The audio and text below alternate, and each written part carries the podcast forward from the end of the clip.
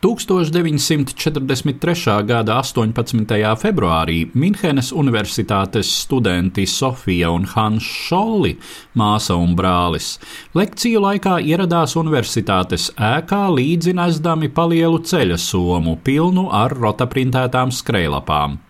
Tās viņi izlika uz palodzēm tukšajos gaiteņos. Kad somā bija palicis pēdējais lapiņu žūksnis, Sofija uzskrēja līdz sestā stāva galerijai un izkaisīja tās virs ēkas centrālā ātrija. Šajā brīdī viņu pamanīja ēkas uzraugs Jākops Šmits. Jau dažas stundas vēlāk Sofija un Hans bija arestēti un nogādāti Gestapo. Nacistu slepenpolicijai tas bija labs ķēriens. Nu jau vairākus mēnešus viņi dzina pēdas grupai, kuras pretvalstiskā satura skrejlapas kopš 1942. gada jūnija parādījās dažādās Reiha pilsētās. Pavisam, kā tagad zināms, bija tikuši izplatīti seši skrejlapu laidieni ar apmēram 15 tūkstošu kopējo tirāžu. Teksti uzsvēra nacistu režīma antihumāno dabu, pretstatot hitleriešu ideoloģiju pasaules garīgā mantojuma virsotnēm, sākot ar Aristoteļa darbiem un Bībeli, beidzot ar vācu apgaismības dižgariem. Tie skaudri runāja par faktiem, kurus vairums nezināja vai drīzāk izlikās nezinām - par holokaustu, par zvērībām okupētajās teritorijās. Savu darbību skrejlapu autori izvērsa laikā, kad risinājās Staļingradas kauja, un jo nepārprotamāka bija Wehrmachta sakāve šai kaujā, jo biežāk viņi uzsvēra Hitlera režīms ved Vāciju pretī katastrofai. Kāpēc gan jūs ļaujat šiem pie varas esošajiem soli pa solim atklāti un slepeni nolaupīt jums jūsu brīvību, līdz kādu dienu vairs nekas, nekas nebūs palicis pāri kā vien mehanizēta valsts sistēma, kuras priekšgalā ir noziedznieki un pļēguri? Vai jūsu gars jau ir tik tālu pazemojumu salauzts, ka esat aizmirsuši savas tiesības, vai drīzāk savu morālo pienākumu sagraut šo sistēmu? Tā vaicāja viena no skrejlapām.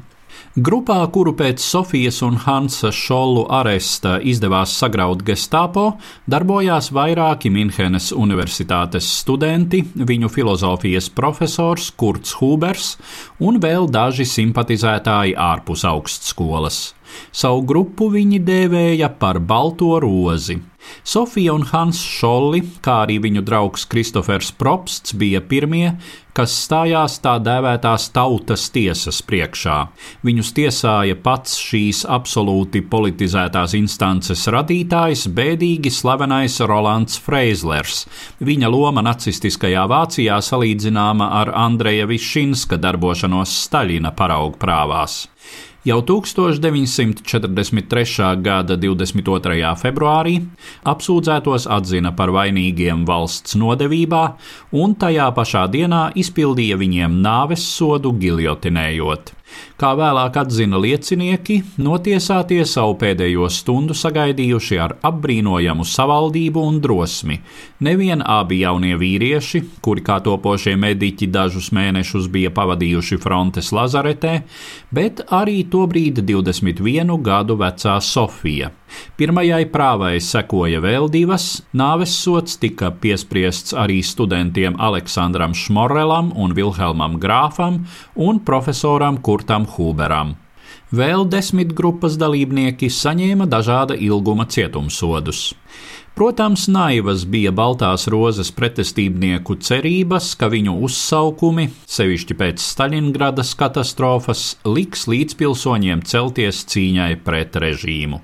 Hitleriešu indoktrinācijas prasmes un vēriens bija nesalīdzināmi pārāki, un viņi spēja piedabūt vāciešus karot par Fīreru un viņa reihu līdz pēdējam.